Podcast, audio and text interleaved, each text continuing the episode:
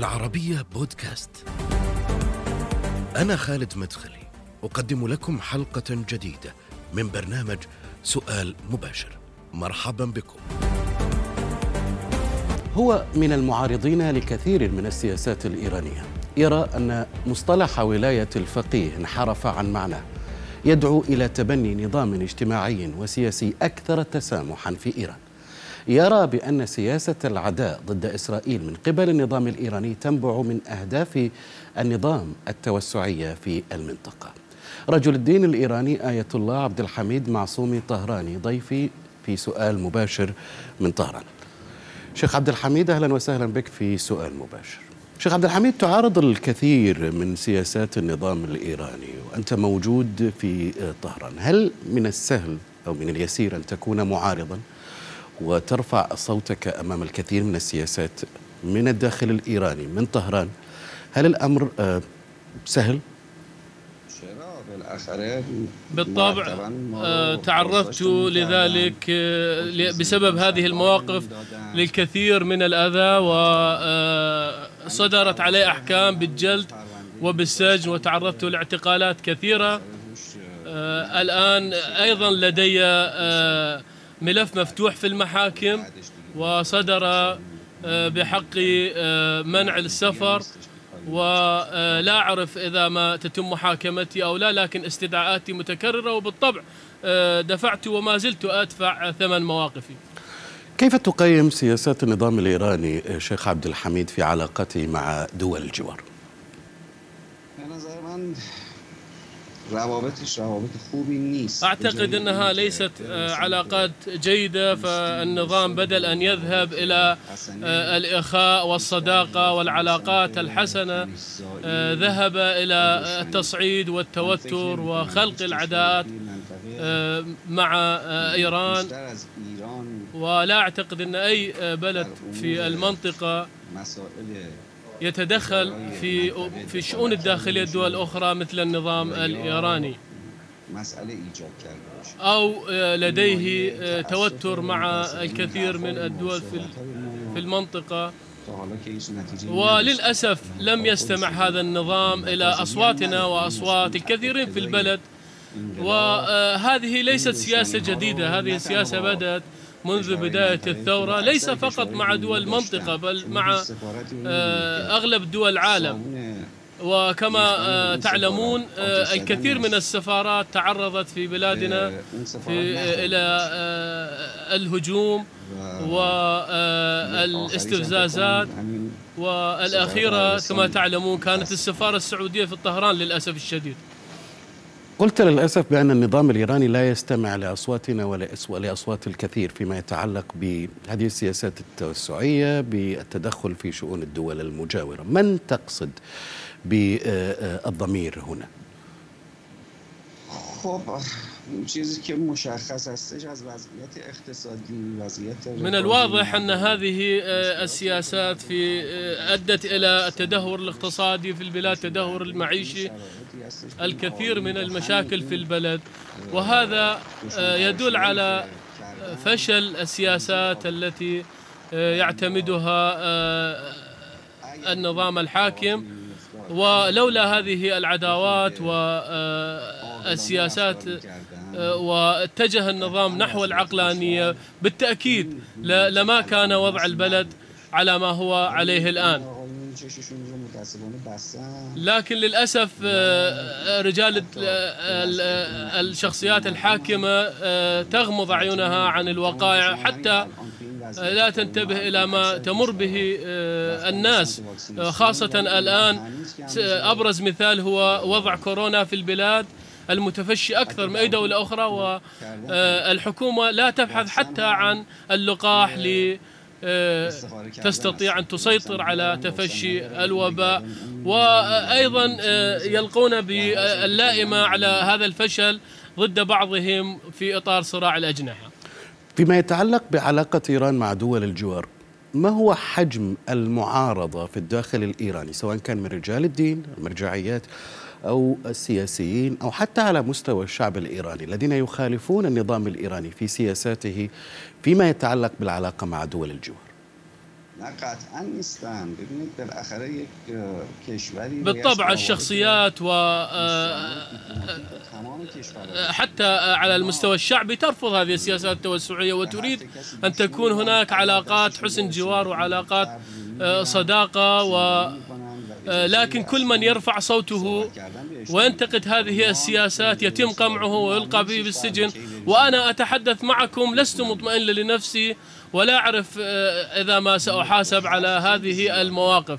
لدينا الكثير من الكلام لدينا الكثير من النصح لكن لا أحد يستمع إلينا وللأصوات العاقلة التي تريد مصلحة البلد. لا أعرف ماذا أسمي هذه السياسة لكن أستطيع أن أصفها بأنها غير عقلانية وغير منطقية وضررها بالدرجة الأولى على الشعب الإيراني قبل غيرهم وقبل جيرانهم سواء بالنسبة لعلاقات دبلوماسية أو بالنسبة للتمدد العسكري أو برنامج الصواريخ. أو آه، يعني التدخلات الأخرى في المنطقة. ليست كلها لا مشروعة قانونا آه، لا ضمن القوانين الدولية وليست في مصلحة البلد. لكن هذا النظام لا يريد أن يكف عن هذه الشعارات وعن هذه آه، السياسات ولا يستمع إلى الأصوات التي تقول أننا يجب أن نبني علاقات جيدة مع جيراننا ومع العالم. أنت واجهت الكثير من الصعوبات آه، آه، آه، شيخ عبد الحميد أيضا في تعاملك مع النظام الإيراني. تم تجريدك أيضا من امتيازاتك الدينية. لكن مع ذلك أنت مستمر في التصريح بآرائك. ألا تخشى من ذلك؟ حالا من دیگه عمرمو کردم دیگه نگران چی چی باید بشم أنا لست قلقا على نفسي. أنا في متأخر العمر لكنني قلق على مستقبل بلادي. ومستقبل آه، الشعب. وأرى أن هذه السياسات ستؤدي بالبلاد إلى الهاوية. لكنني ما زلت أرفع صوتي آه، لكي أحثهم على آه، اعتماد العقل والمنطق بدل هذه السياسات الهوجاء. التي آه، يعتقدون أنهم من أصبحوا من القوى الكبرى في العالم ويستطيعون آه، يعتدون على أي بلد وعلى آه، شعبهم أيضا. طيب ما الحل مع النظام الإيراني؟ يعني هل هناك إمكانية لإصلاح من داخل هذا النظام الإيراني؟ أم أن الحل كما يرى البعض بزوال آه، هذا النظام يعني جملة وتفصيلا؟ سيد عبد الحميد.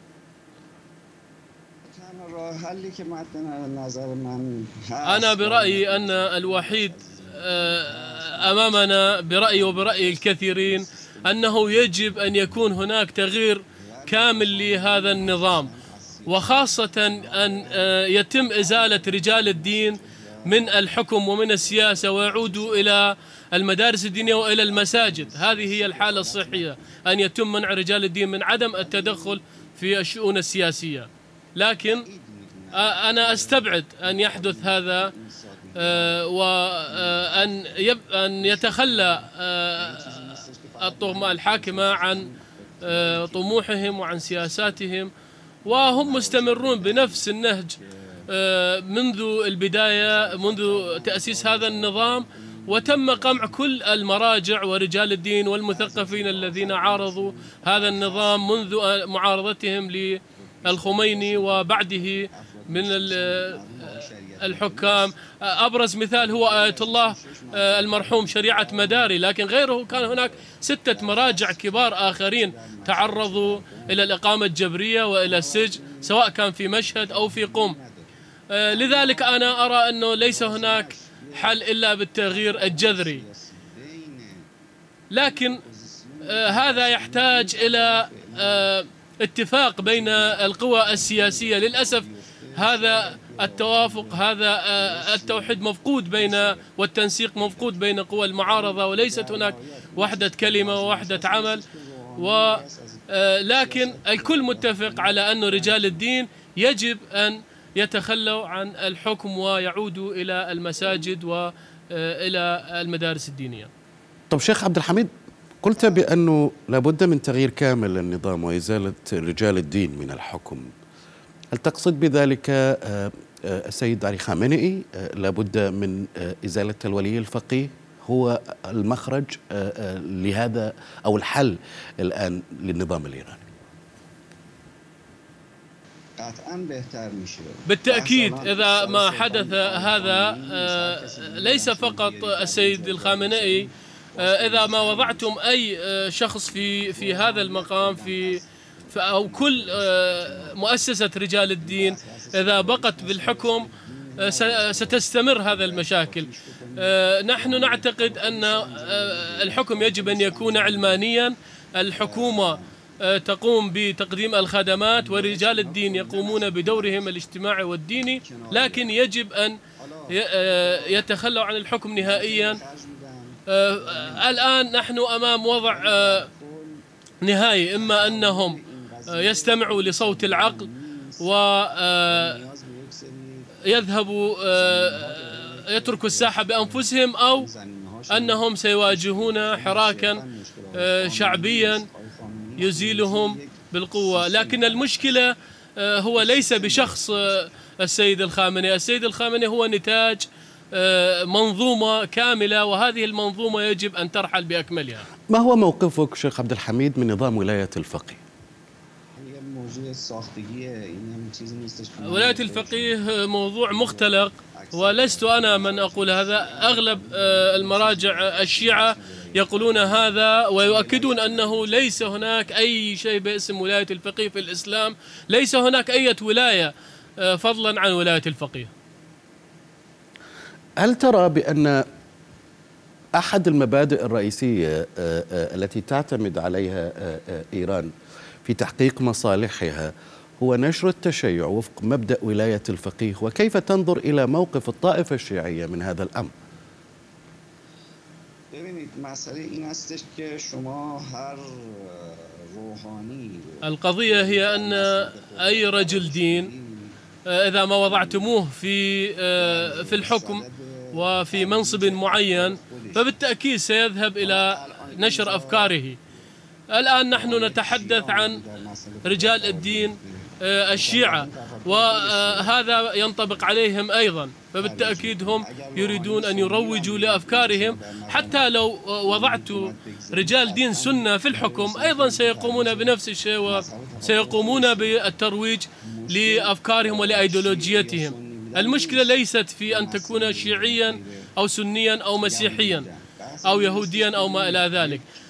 المسألة هو آه، أن هذه المنظومة التي أمامنا الآن آه، يحكمها آه، قائد شيعي وفق أيديولوجية معينة وهذه المنظومة تروج لهذه لأفكارها ولسياساتها لذلك هذا النظام هذا المنظومة تؤدي بطبيعة الحال إلى هذه المصادمات الطائفية والمذهبية. والحل الوحيد هو أن تزيل هذه الطغمة الدينية عن السياسة وعن الحكم وعند ذاك تستطيع الناس أن تتعايش مع بعضها البعض وتختار نوع الحكم الذي يناسبهم ونوع آه، الحكم الذي يستطيع أن يحل مشاكلهم.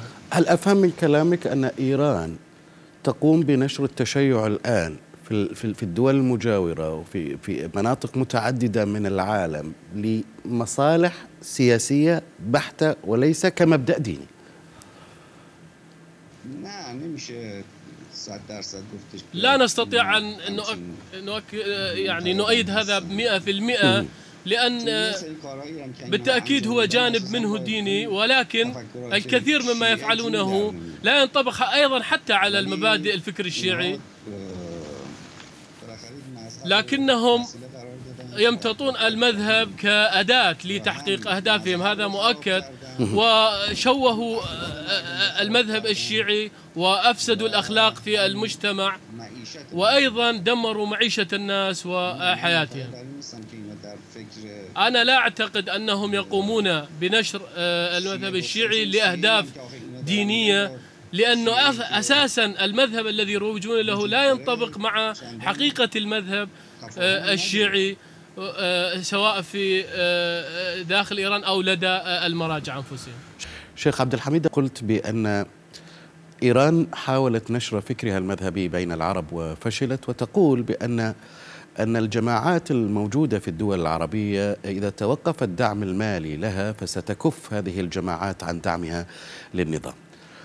اولا كيف تنظر إلى هذه الجماعات أو الميليشيات التي زرعت زرعها النظام الإيراني في الدول العربية؟ نتحدث عن حزب الله في لبنان عن أنصار الله أو الحوثيين في آه، آه، اليمن عن ميليشيات متعددة أيضا موجودة في سوريا وقبل ذلك كله العراق.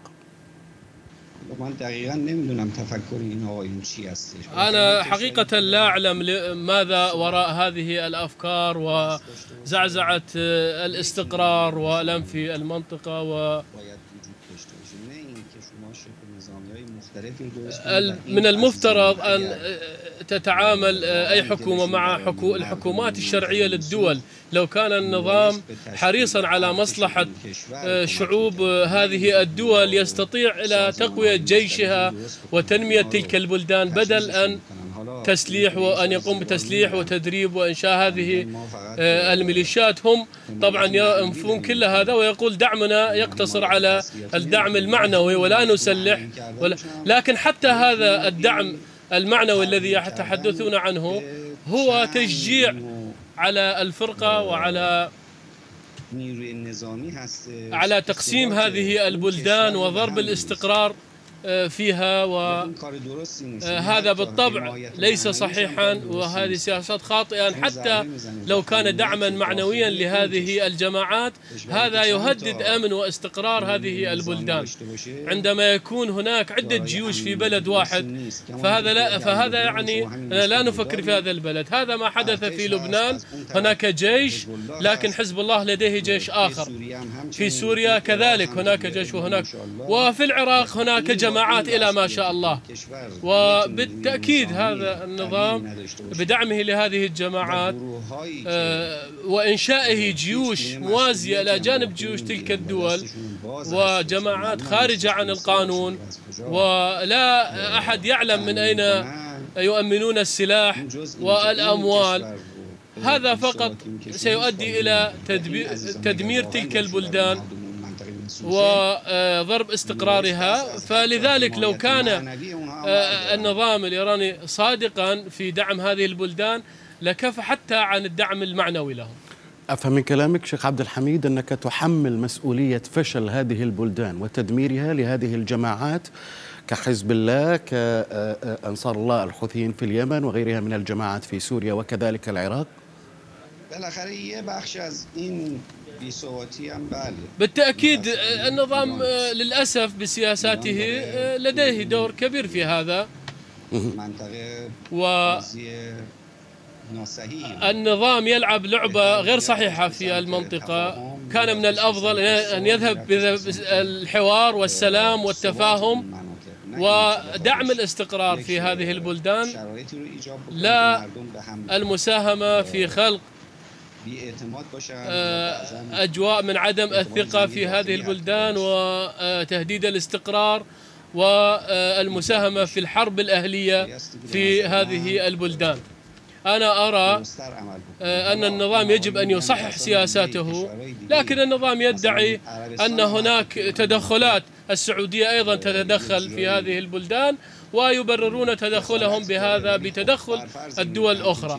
لكن حتى لو كان هذا صحيحا هذا المنطق ليس صحيح لأنه حتى لو كانت دول أخرى تتدخل لماذا يجب أن يتدخل بلدنا بدعم هذه الجماعات؟ حتى لو أردنا تدخل يجب أن نسعى إلى إيجاد آه، عملية سلام وتفاهم وصلح بين وإنهاء هذه الحروب ودعم الحكومات الشرعية والجيوش الشرعية لهذه الدول لا أن نساهم في إنشاء آه، وتسليح ودعم جماعات موازية للجيش هل ترى أن هناك إمكانية أو جدوى من أي حوار يمكن أن يقع بين هذه الدول وبين النظام الإيراني الحالي؟ هل هناك إمكانية لمعالجة هذه المشكلة من من خلال حوار هذه الدول مع النظام الإيراني؟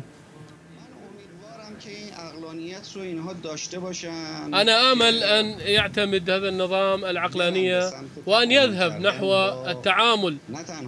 وليس فقط آه، مع آه، دول المنطقة بل مع كل دول العالم. وأن يكف النظام عن شعارات الموت لفلان والموت لهذه الدولة أو تلك. آه، هذه السياسة لم تثمر. ولم تؤتي آه، بأي خير على البلد. وإذا ما كف النظام عن هذه الشعارات اللا عقلانية لكان الأصلح للبلد. لكن للأسف هذا النظام آه، لا ليس لديه شيء. لو تخلى عن هذه الشعارات يفقد ماهيته لم يبقى منه شيء.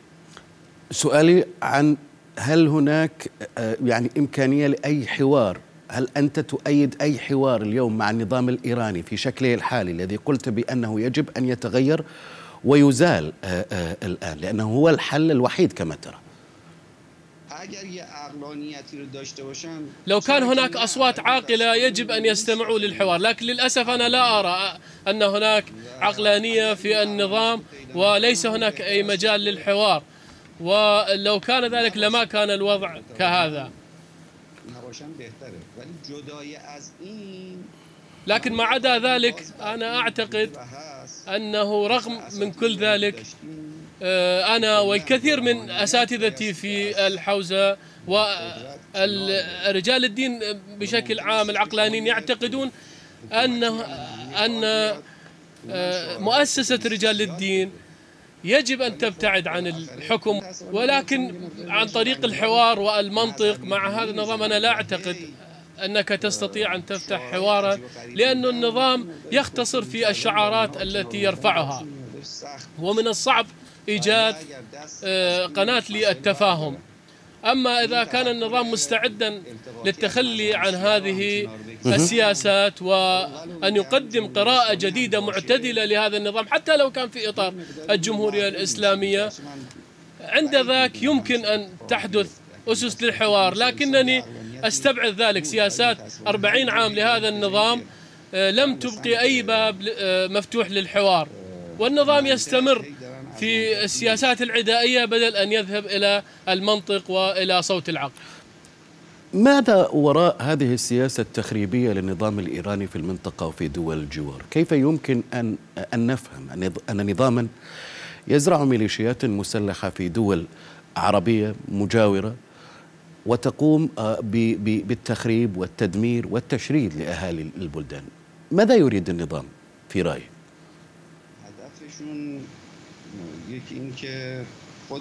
الهدف هو اولا آه، بقاء النظام وقمع آه، المعارضه. وهذا النظام آه، يجب أن يكون لديه عدو دائما لكي يستمر بهذه السياسات لكي يحافظ على نفسه. والسياسة التوسعية أساسا تحتاج إلى وجود عدو. وهذا النظام مشبع بنظرية العدو. الوهمي ونظرية المؤامرة. هذه السياسة في الواقع كانت منذ بداية تأسيس النظام وهي مستمرة. ليس هناك فيها أي تغيير للأسف. لكن البعد الاستراتيجي لسياسة هذا النظام في المنطقة من خلال زرع الميليشيات ما نشاهده الآن في اليمن في لبنان في العراق في سوريا وفي غيرها من البلدان. سياسات التخريب والتدمير والقتل والتشريد من قبل هذه الميليشيات. أنا أريد بماذا ما الذي يفكر فيه النظام الإيراني؟ إلى ماذا يهدف من وراء هذه السياسات وهذه الميليشيات؟ ببینید کسی که برای مردم خودش دلش نمیسوزه شما انتظار داری حالا مثلا برای مردم هذا النظام الذي لا يفعل شيئا من أجل شعبه هل تتوقعون منه أن يفعل خيرا للشعوب الأخرى؟ آه، الآن لاحظوا نحن لدينا آه، أزمة كورونا هناك كوارث في البلد والنظام غير مكترث. هل تريدون منه أن يهتم بالشعوب الأخرى؟ لذا هذا النظام يفكر فقط بنفسه لا يفكر بالناس لا بالنسبة لشراء اللقاح لشعبه مثلا أو تجهيز المستشفيات أو آه، إغلاق البلد على الأقل يعني. فأنتم أمام نظام هكذا يتعامل مع شعبه. فماذا تتوقعون منه أن يتعامل مع لبنان آه، أو مع آه، الشعوب الأخرى؟ المشكلة أنا أرى أنه في شعوب تلك البلدان آه، الذين يجب أن لا يستمعوا إلى أكاذيب هذا النظام.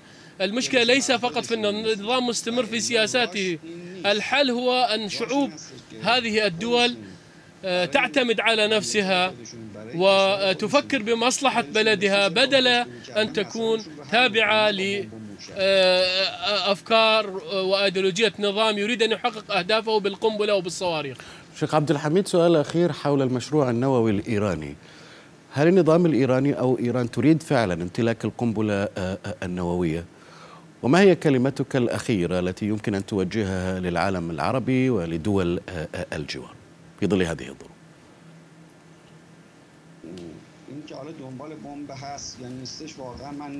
حقيقة أنا لا أعرف إذا كان النظام يبحث عن القنبلة النووية أو لا لكن ما متأكد منه هو أن هذه التكنولوجيا آه، هي من صنع الغربيين. آه، لكن للأسف آه، هؤلاء الطغمة الحاكمة يتوهموا بأنهم يستطيعون أن يخدعوا صناع هذه التكنولوجيا ويلتفوا على الغربيين ويذهبوا بطرق التفافية حول فالقنبلة هي أصلا وأساسا لدى الغربيين وهم الذين أنتجوها ولذلك آه هذا النظام لا يستطيع خداعهم. ولا أعتقد أن النظام سيستطيع أن يخدع أحد. لكن المشكلة تكنولوژی هسته‌ای باشن. ليست انهم آه نحو التكنولوجيا النوويه أو حتى القنبله النوويه أنا لا اعتقد آه ان العالم أيضا لديه مشكلة مع ان ايران تمتلك قنبله نوويه الباكستان أيضا لديها قنبلة نوويه الهند كذلك. ليس لا أحد لديه مشكلة معهم. المشكلة هو مع النظام الحاكم الذي لا يتحمل أي مسؤولية. آه، يصنع الصواريخ ويزود فيها آه، ونجدها في اليمن ونجدها في غزة. إذا ليست هناك ضمانات. إذا كان هذا النظام امتلك القنبلة النووية لن يقوم بتزويدها إلى جماعاته في لبنان وفي أماكن أخرى. الخطر يكمن في هذا. وليس في القنبلة النووية بحد ذاتها المشكلة في النظام وليس في الشعب الإيراني المصالح الذي يريد أن يعيش بسلام مع جيرانه ومع كل الدول ويبحث عن السلام لكن هذا النظام هو الذي يذهب بالبلاد نحو المواجهة ونحو الصراعات ونحو الحروب لأن هذا النظام للأسف أصبح بلاد آه، لا يفكر بالمصالح الوطنية ويريد أن يبتز العالم بمنطق القوة. أنا آه، بدوري ليس لدي شيء خاص لكنني أوصي آه، أخاطب آه، جيراننا من الدول العربية وأقول لهم نحن جيران كنا وما زلنا نود أن تكون لدينا أفضل العلاقات ومراودات وتبادل واحترام متقابل مثل كل الشعوب الأخرى ويكون تكون لدينا حياة عادية وطبيعية. وأنا آمل أن تكون إيران آه، في وضع أفضل وفي أفضل علاقات مع آه، جيرانه ومع دول المنطقة والعالم رجل الدين الإيراني آية الله عبد الحميد معصومي الطهراني. من طهران شكرا جزيلا لك على تواجدك معنا. هذه الحلقة من سؤال مباشر شكرا للمتابعة وإلى اللقاء.